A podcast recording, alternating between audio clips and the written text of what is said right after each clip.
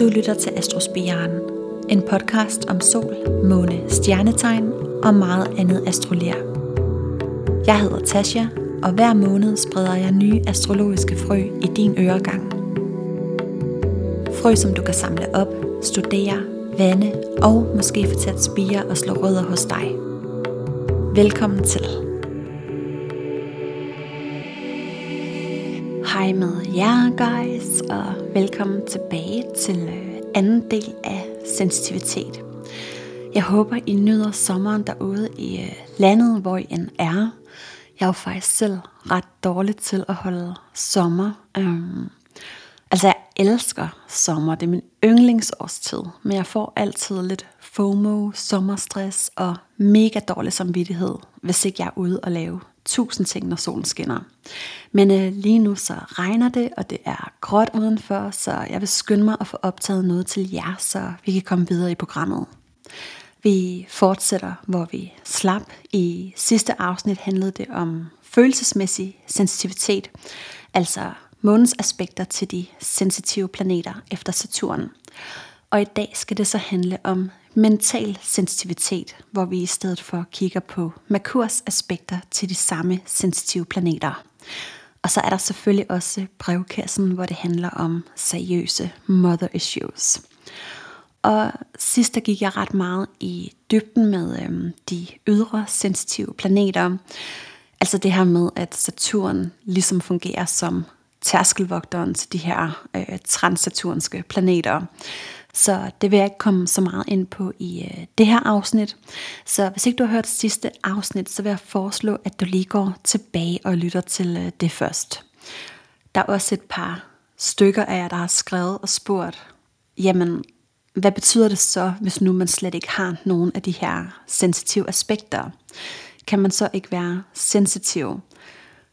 Der var nemlig øh, især en, der skrev, at hun altid havde følt sig mega sensitiv hele sit liv. Men hun havde ikke nogen af de her følelsesmæssige aspekter til øh, munden, som jeg snakkede om sidst. Og det var hun så blevet ret overrasket over. Og altså, nu er jeg jo hverken øh, psykolog eller terapeut eller noget i den retning. Øhm, den form for sensitivitet, som jeg snakker om her, den skal jo forstås gennem den astrologiske linse. Så du kan da helt sikkert godt være særlig sensitiv, uden at det nødvendigvis kan aflæses i dit horoskop.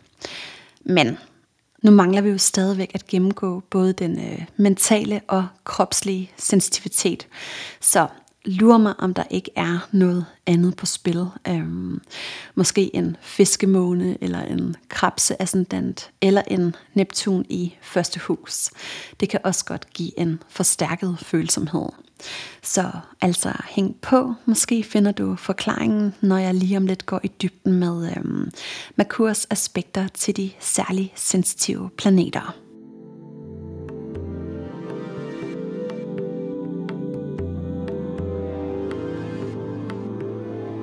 Alright, let's get it. Øhm, eller bare find jeres horoskoper frem, og lad os hoppe ud i det. Øh, ved den mentale sensitivitet, der kigger man som sagt på Merkurs aspekter til de sensitive planeter, som er Uranus, Neptun, Pluto, Haumea, Makemake og Eris. Og Merkur er jo planeten for vores øh, tanker, vores bevidsthed, kommunikation og sprog. Den repræsenterer også vores indlæringsevne, øh, hvordan vi ligesom opsamler, opsuger og viderebringer al den viden og information, vi har suget til os. Den hersker jo i tvillingerne, så Merkur handler rigtig meget om vores mentale kapacitet og tankevirksomhed. Det er den planet, der kan læse øh, alle bøgerne og styre et helt bibliotek i hovedet uden ad. Lidt ligesom en øh, human Google. Så hvis Merkur danner forbindelse med Uranus, så er der en telefonlinje mellem to lufttegnsherskere. Og så er forbindelsen lynhurtig og elektrisk. Nærmest ligesom et øh, netværkskabel med max speed på øh, dataoverførselshastigheden. er der overhovedet noget, der hedder det? Øhm, det ved jeg ikke. Men øh, i hvert fald, så er der ekstra accelerering på de mentale tankeprocesser, når Uranus snakker sammen med Merkur. Så bevidstheden, den kan godt blive oversvømmet af en øh, meget, meget stor mængde data. Med andre ord, så er man altså skarp og begavet med en lynende intelligens. Men det er ikke sikkert, at det er sådan, de her Merkur-Uranus-mennesker øhm, øh, selv opfatter sig selv. Ofte så føler de sig som mentale outsidere. Og skoleårene, øhm, eller, eller bare de, de tidlige år øhm, som ungt menneske, det kan godt være ret udfordrende øh, for dem, der har det her aspekt. Fordi de fungerer ikke i en lineær tilgang til læring. Hvis andre, øh, altså andre i form af folkeskolen eller lærer og den slags, øh, hvis andre de forsøger at tvinge dem til informationer, eller hvis de skal løse mentale opgaver, som de dybest set ikke er overbevist om, jamen det, den slags rammer øhm, trives de her mennesker bare ikke i. Den viden, der bliver formidlet, skal helst resonere dybt med deres egne overbevisninger. Så de fungerer faktisk bedst, når de får plads øh, og frihed til at tænke deres egne tanker og finde deres egen kilde til øh, inspiration og læring. Men der vil jo altid være rutineopgaver, der skal løses, øh, viden, der skal læres, og kasser, som ikke altid matcher vores egne interesser. Som jeg har nævnt tidligere, tror jeg nok, jeg har nævnt, så fik jeg jo ekstra undervisning i matematik af næsten hele folkeskolen. Det der med den lille og den store tabel, øh, og også det her med, at der kun fandtes øh, et rigtigt svar, øh, eller et facit, det kunne min hjerne ikke. Øh, eller det vil sige, jeg synes, det var så sygt, sygt kedeligt og meningsløst at skulle lære en række tal uden ad, når jeg ikke forstod hvorfor. Øh, bare for at få en god karakter.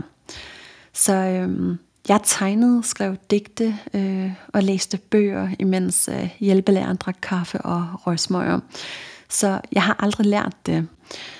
Og jeg følte mig så dum øh, gennem hele folkeskolen. Jeg synes, det var så pinligt, at når de andre havde almindelig matematikundervisning, øh, så blev jeg kaldt op øh, gennem sådan et øh, samtaleanlæg, så alle kunne høre det, øh, og være vidne til, at jeg skulle rejse mig op og forlade klassen og gå over til øh, dummeskolen. Øh, det var det, de andre kaldte den. Jeg endte også til sidst med at skifte skole til en øh, lille skole, som er en kreativ friskole med øh, meditation, musik og billedkunst som et øh, stort element af undervisningen. De har en helt anden tilgang til indlæring, som er meget mere eksperimenterende øh, og undersøgende og filosofisk. Men øh, anyways, den dag i dag, der ved jeg, at det er ikke øh, manglende mentale evner, der er skyld i, at jeg endnu ikke har lært den lille og den store tabel. Det er simpelthen bare mangel på inspiration og interesse, men øh, nok om mig. De her Merkur Uranus mennesker, de kan også godt have lidt svært ved at finde øh, mentale legekammerater, der kan stimulere dem, eller finde mentale aktiviteter, der kan udfordre dem for de kommer lynhurtigt til at kede sig i en forudsigelig rutine. Så det mentale input og output kan derfor være meget øh, svingende og varierende. Den ene dag, så kan de for eksempel være dybt investeret øh, og interesseret i et projekt eller emne, og øhm, jamen, næste dag, så er energien brugt op. De kan kun arbejde og præstere når de virkelig føler sig inspireret.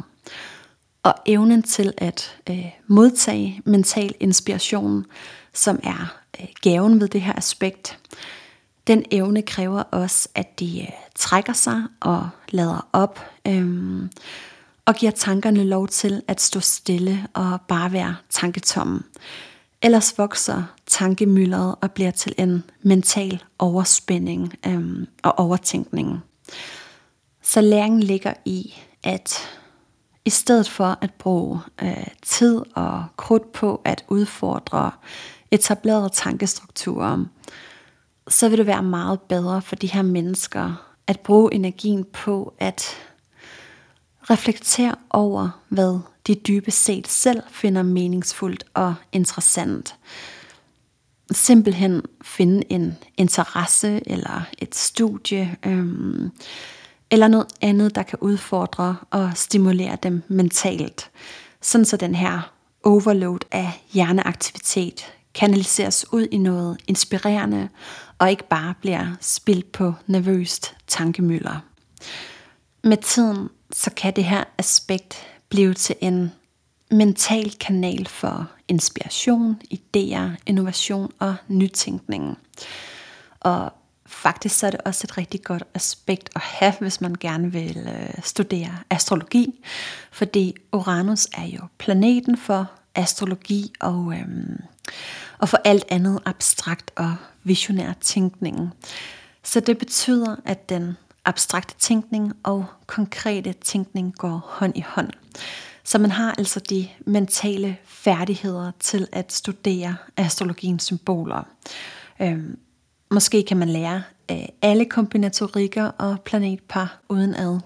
Og øh, hvis vi så også lige smider en Jupiter med ind i ligningen, så kommer forståelsen på, og man kan også se principperne bag det hele og øh, forstå astrologien i en øh, større sammenhæng.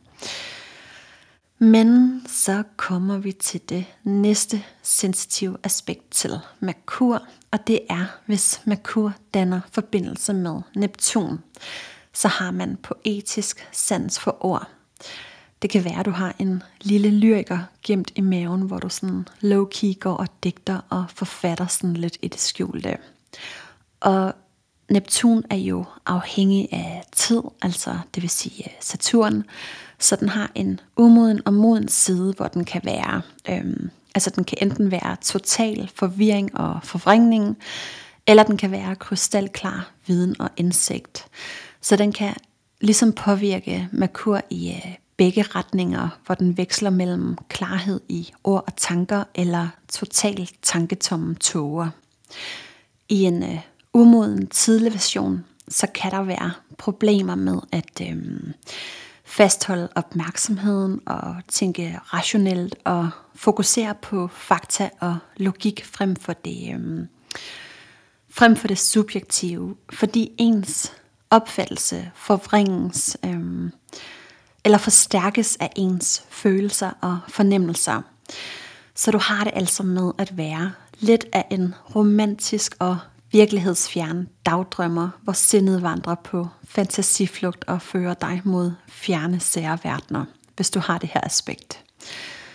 Det kan også godt påvirke selve øh, ens evne til at øh, tale på og udtrykke sig på. Det kan være, at man øh, frøvler, øh, stammer, snubler over ordene, øh, eller taler usammenhængende, sådan så det slet ikke giver mening for modtageren. Ord er utilstrækkelige til at udtrykke øh, de her menneskers inderste oplevelser og opfattelser af virkeligheden. De har svært ved at oversætte deres inderste tanker og gøre dem forståelige på et almindeligt talt hverdagssprog. Og derfor søger de ind i smukke, mærkelige verdener, hvor de kan finde det sprog, der giver dem et ordforråd for deres tanker. Neptunsprog findes jo ikke i en retskrivningsordbog. Neptunsprog er jo et intuitivt sprog, der findes i form af musik, øh, poesi, kunst, billeder, eventyrfilm og kærlighedsbøger med tiden, så kan mennesker med øh, det her aspekt, øh, de kan ligesom gå fra at flygte ind i de her fantasiverdener, og så til selv at skabe de her verdener, og selv udvikle evner, der gør dem i stand til at transkribere deres egne oplevelser og opfattelser på en måde, så de kan dele deres indre virkelighed med andre. Måske igennem, I don't know, øhm, fantasy, sci-fi, fiction øh, eller poesi. Merkur og Neptun giver nemlig øh, evner til at um, tænke, tale og gøre sig forståelig i drømmebilleder, metaforer og lignelser. Eller omvendt, så kan man også sige, at det giver en evne til at kunne formidle alt det neptunske. Inden for øhm, sprogforskning, der er der jo også den her øhm, lingvistiske hypotese om, at det sprog, vi taler, altså vores øh, modersmål, at det påvirker måden, vi øh, tænker på. Det er ret interessant, øh, altså det her med, at øh, Sproget hænger sammen med vores kultur, som så igen hænger sammen med vores tankevirksomhed, og hvordan vi ligesom opfatter øh, og oplever os selv som individ i den, øh, i den virkelighed, vi er en del af. Altså for eksempel ordet hygge kan jo næsten ikke oversættes til noget andet sprog i verden. Og der er jo også forskel på, om vi siger et døgn øh, eller en dag. De to ord opfattes forskelligt. Men øhm, på engelsk, så er der ikke noget ord for et døgn. Altså man kan sige 24 timer, men det giver bare ikke helt den samme følelse af jordens øh, rytme øh, og hjerteslag, som ordet døgn gør. Øhm, eller det synes jeg i hvert fald ikke, at det gør. Men i det hele taget, øh, sprog og symbolforståelse øhm, og identitet hænger jo uløseligt sammen. Og det minder mig faktisk om øhm, en film. Øhm, hvis ikke I har set den film, der hedder øh, Arrival, så vil jeg virkelig anbefale at se den. Den er lidt øh, gammeldags efterhånden. Jeg tror, den er fra øh, 2017. Øh, det er en alien sci-fi film, og helt kort så handler den om øh, den her kvinde, der er øh, ekspert og forsker inden for øh, lingvistik og øh, sprogforståelse. Og så er der så en øh, masse rumskibe med øh, aliens, der lander rundt omkring forskellige steder på kloden. Og den her øh, hovedperson bliver så hyret af det amerikanske øh, militær til at prøve at oversætte øh, de her rumvæseners sprog. Og jeg vil ikke afsløre øh, så meget mere, men øh, se den, den er virkelig bare øh, smuk og rørende øh, og meget anderledes. Øh, de der aliens der, de er også øh, totalt cute. Men øh, jeg tænker helt sikkert, at hende her sprogforskeren i filmen, øh, hun må have det her aspekt mellem Merkur og Neptun. Øh, ja, det var lige et øh, sidespor. Når Neptun modnes, øhm, så kan man med det her aspekt udvikle en øh, sjette sans øhm, og fornemmelse for tanker øh, og ord. Så selvom en person måske frøvler øh, og ikke udtrykker sig klart, så kan man alligevel godt forstå meningen og finde sammenhæng. Man udfylder bare de manglende ord med sin øh, intuition og tuner sig ind på den anden persons måde at øh, tænke på og tale på og snakke på. Og øh, det er også et godt øh, terapeutaspekt, når Neptun modnes. Øh, man kan ligesom lave øh, mentalt slalom, og vi er uden om det ubehagelige i en samtale, hvis nu klienten ikke er klar til at øhm, snak om det ubehagelige, så kan man navigere rundt i øhm, samtalen med sin øhm, intuition, og også finde de ord, som klienten ikke selv kan finde. Det er også et godt øh, øh, fejlfinderaspekt i forhold til øh, korrekturlæsning. Øh, grammatik, kommasætning og stavefejl og den slags. Øh, for Neptun leder efter det perfekte utopi, så man har ligesom en evne til at kunne stille sig ind på et emne øhm, og lade øh, teksten, musikken eller maleriet tale til en. Så man kan finde lige præcis den tone, øhm, melodi, farve, penselstrøg eller det ene ord og metafor, der skaber noget helt øh, overnaturligt smukt. Og på den måde fungerer som øh, bro mellem forskellige verdener og tage andre med på øh, drømmelignende rejser til øh, fjerntliggende lande, galakser og øh, virkeligheder. lyder det ikke bare smukt, altså. Det synes jeg. Og nu er det ikke fordi, at hele det her afsnit skal handle om min øh, folkeskoletid. Men de her sensitive planeter, de er bare mere bøvlede øh, og drilske i lige præcis den periode, hvor man i forvejen er øh, ung og snot forvirret med øh, tonsvis af hormoner susende rundt i øh, kroppen. Og jeg ved godt, at jeg snakker meget om øh, Susanne, øhm, øh, min klasselærer på Lilleskolen. Men hun betyder også bare rigtig meget for mig. Hun var en af de få lærere, jeg har haft, der kunne rumme, at når jeg fik lov til at øh, tegne, øh, lytte til musik i undervisningen, eller sidde under et træ og lave lektier og læse, i stedet for at sidde inde i klassen, jamen så lærte jeg bare bedre. Og da jeg gik ud af lilleskolen, øhm, der havde hun skrevet en, øh, en tale til øh, hver af os i klassen. Eller det var ikke engang en tale, det var nogle få personlige beskrivende ord. Og jeg kan stadigvæk huske, hvordan hun beskrev mig, øhm, eller de ord, hun brugte om mig. Og det var øh, dragende drømmer, talentfuld tegner, sensuelt sluderchatol, fængende forfatter og kreativ kunstner.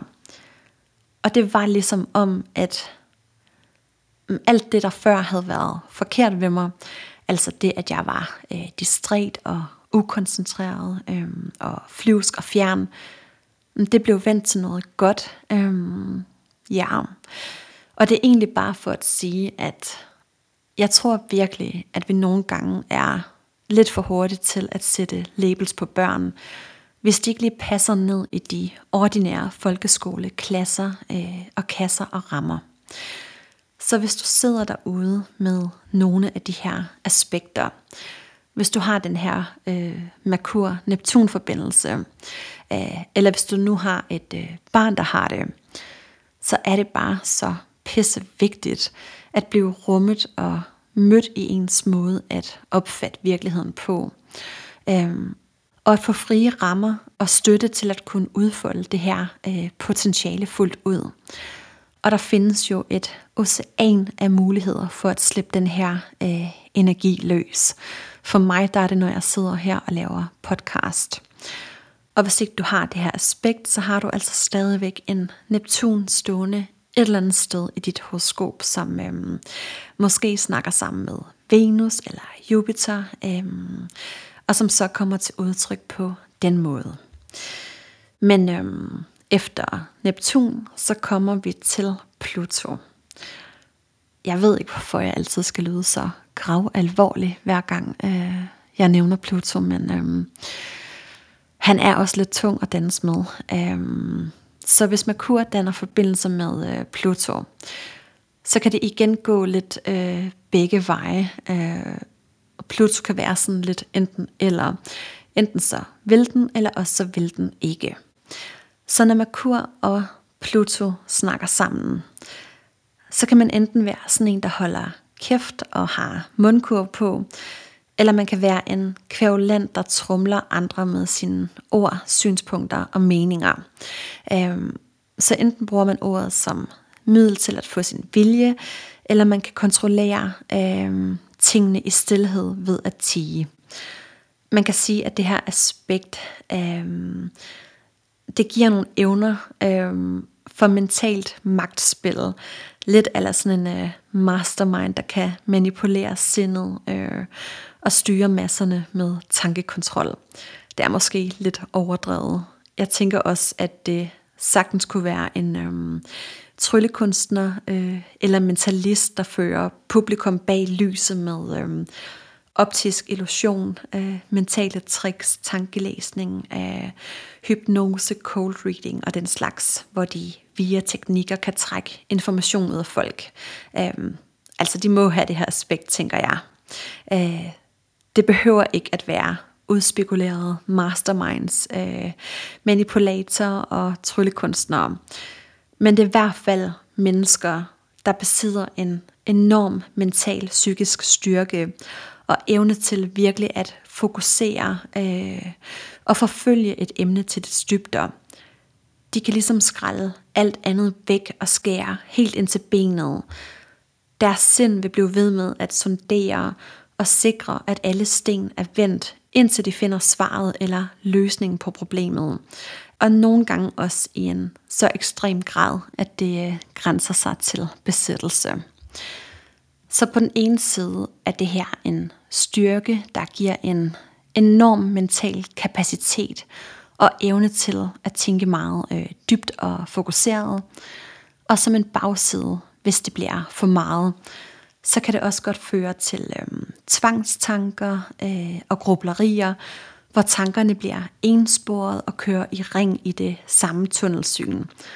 Man graver måske så dybt øh, og leder efter svar og årsager, hvor der ikke findes nogen, og brænder til sidst mentalt ud i øh, processen. Der er nemlig en tilbøjelighed til at blive ved med at bore videre, indtil øh, svaret afslører sig selv.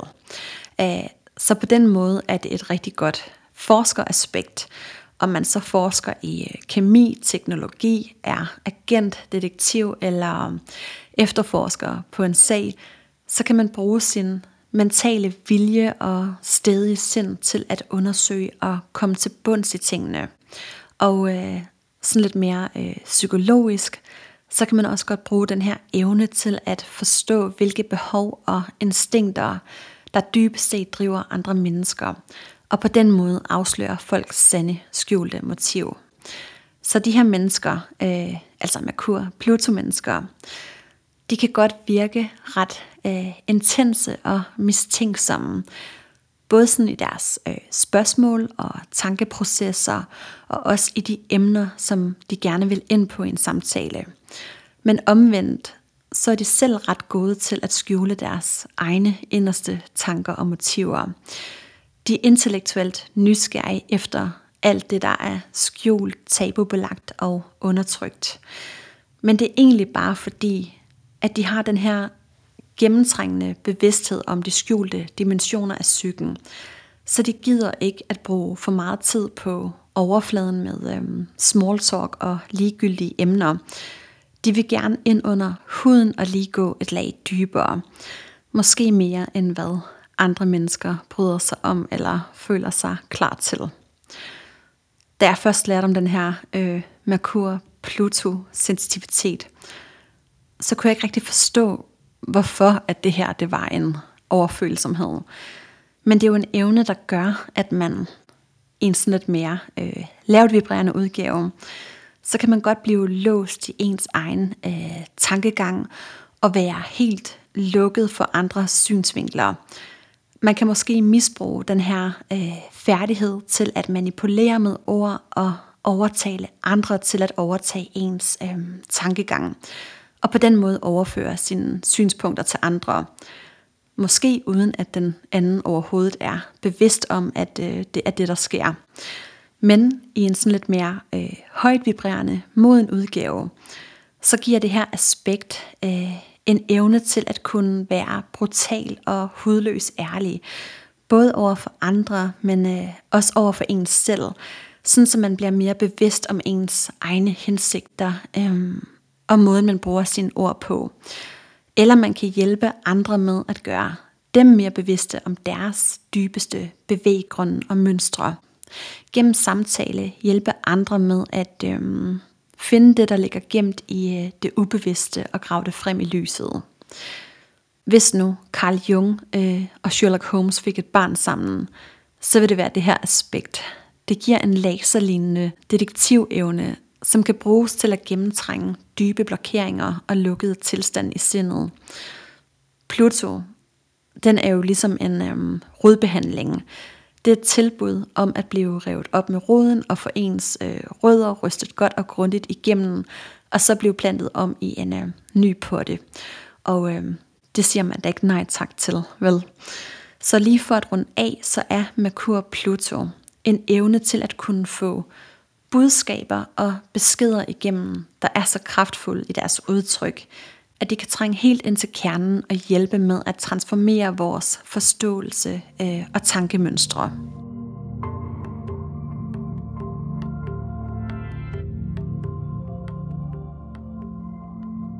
så kommer vi til de nye dværgplaneter efter Pluto, som er Haumea, Makemake og Eris.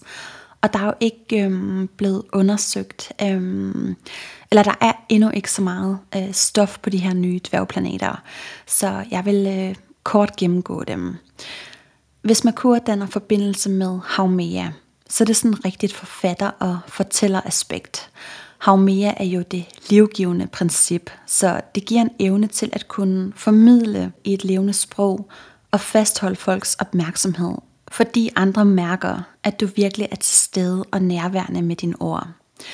Sproget det skal helst være øh, nærværende, sprudlende og levende, før det fanger en med øh, det her aspekt. Så man er ikke så god til øh, gentagelser og monoton tale.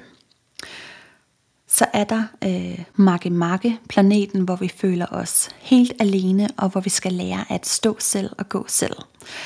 Jeg kalder den også for særlingen, fordi der er noget sådan lidt sært og fremmedartet over den. Så hvis Merkur danner forbindelse til Makke Makke, så har du den helt egen sære måde at øh, tænke på og tale på. Måske er du sådan lidt gammeldags i dit sprog og gammelklog i det.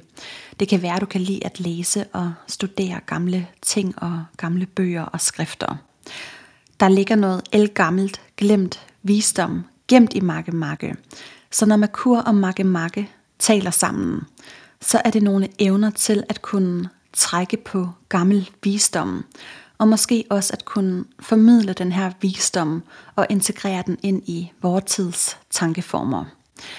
Og til sidst så er der, hvis øh, Merkur taler sammen med øh, sandhedsplaneten Eris, så er man en sandsirske. Og det her aspekt, det kan godt i en umoden udgave giver sådan en øh, plop-effekt, hvor ordene forlader ens mund, og før man ved af det, så har man sagt det rigtige, men øhm, man har måske sagt det på det forkerte tidspunkt. Man kan ikke lade være med at sige sandheden, altså på godt og ondt. Man gør det ikke for at være ondskabsfuld, men man kan godt utilsigtet komme til at tale over sig og øh, spill the tea, som man også siger. Og på den måde skabe splid og strid med øh, de ord, man siger. Med tiden, så bliver det her aspekt en evne til at kunne øh, finde ind til sandheden og altid tale ens sandhed, men øh, sige ordene med øh, kærlighed. Men øh, det var simpelthen det, vi har været igennem den mentale sensitivitet, og så mangler vi stadigvæk den kropslige sensitivitet, som jeg så gennemgår i næste afsnit. Og blev hængende for lige om lidt, så er det blevet tid til brevkassen.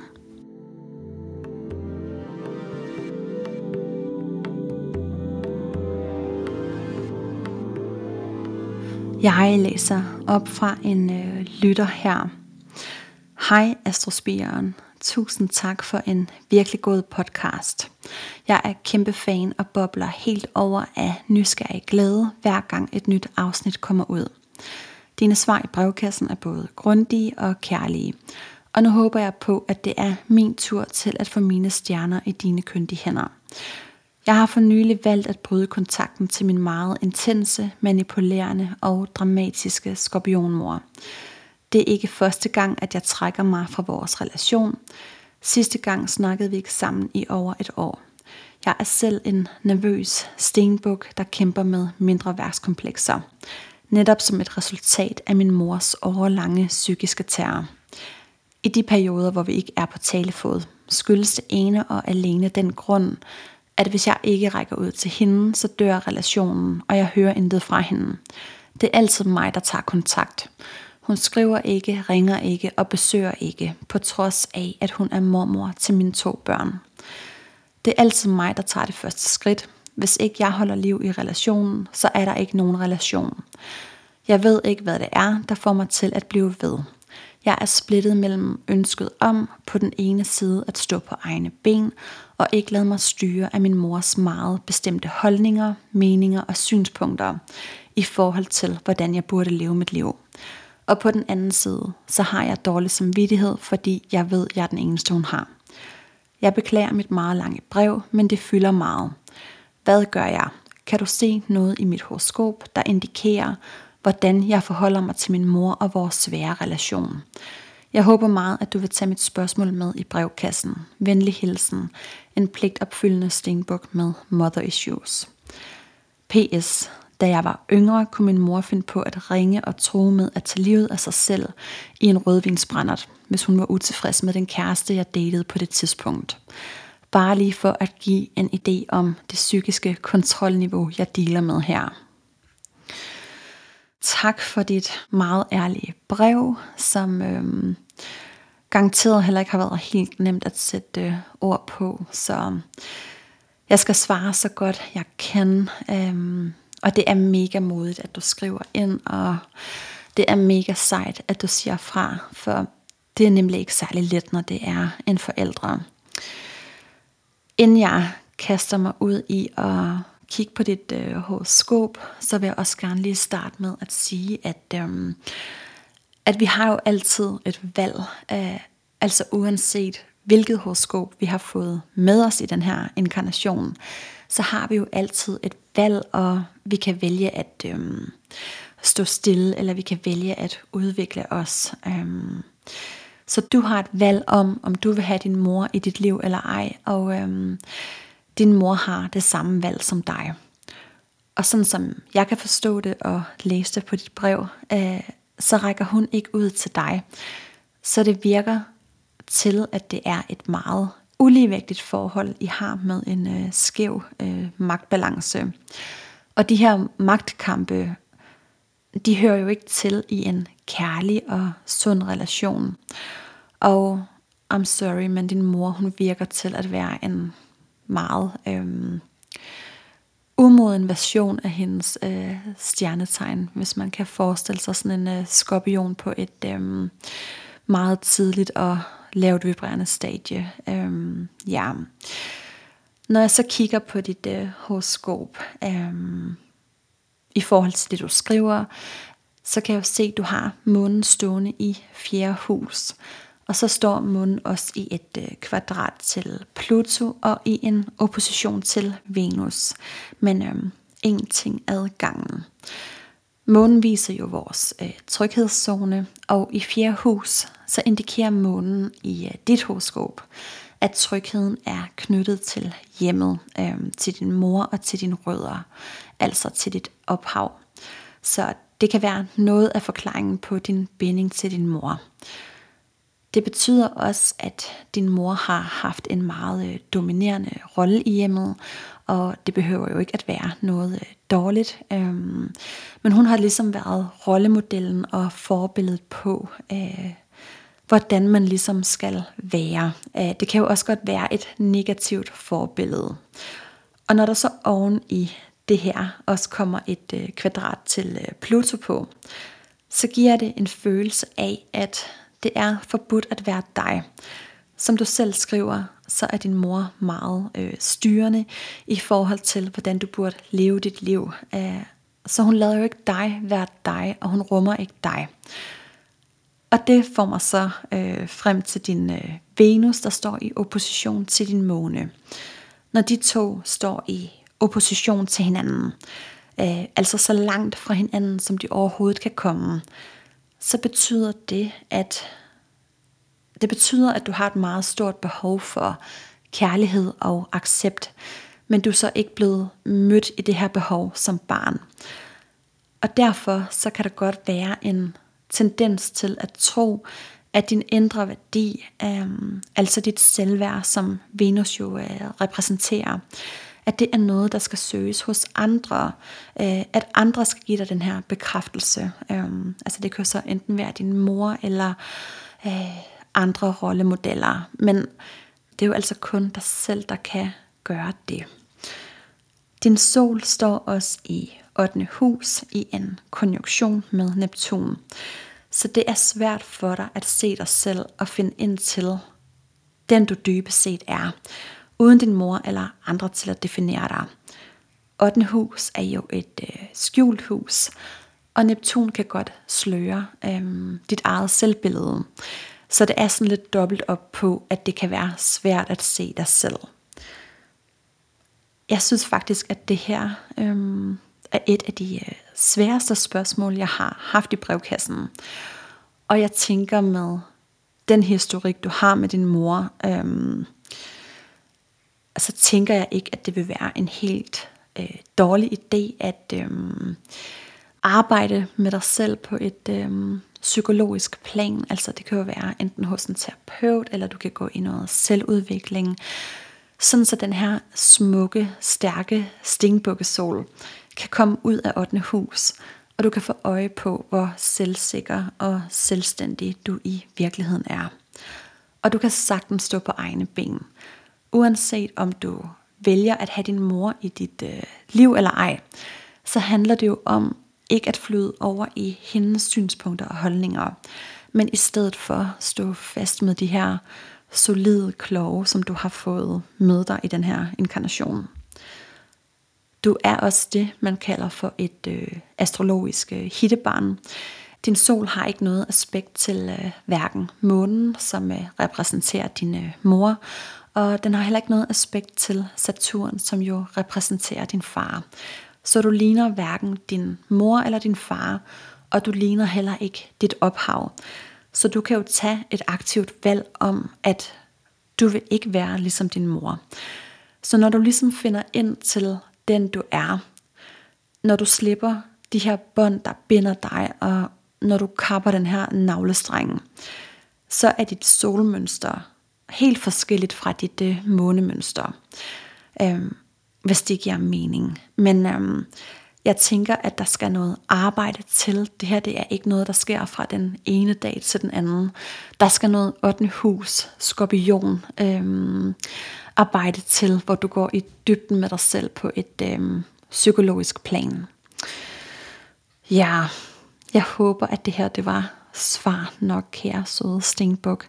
Ellers så må du skrive til mig igen.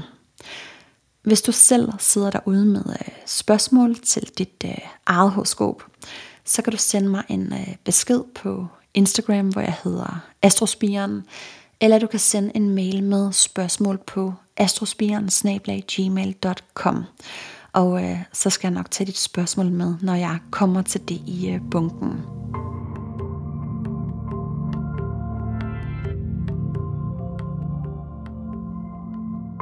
Så er vi done for i dag. I næste afsnit, der vil jeg så gennemgå den kropslige sensitivitet. Og endnu en gang bare tak, fordi du blev hængende og lyttede med. Det betyder mega meget for mig. Nyd sommeren derude. Øhm, jeg kan se, at solen er begyndt at skinne igen her hos mig, så jeg vil runde af og hoppe ned i gården og fylde badebassinet op med vand. Ha' det rigtig dejligt derude, og så ses vi i næste afsnit. Tusind tak, fordi du havde lyst til at lytte med. Er du blevet nysgerrig på noget af det, som jeg har snakket om i dag, eller har du andre astrologiske spørgsmål, så skriv endelig til mig. Og kan du lide, hvad du hører, så drys os gerne lidt øh, stjernestøv eller giv et like. På genlyt i næste afsnit.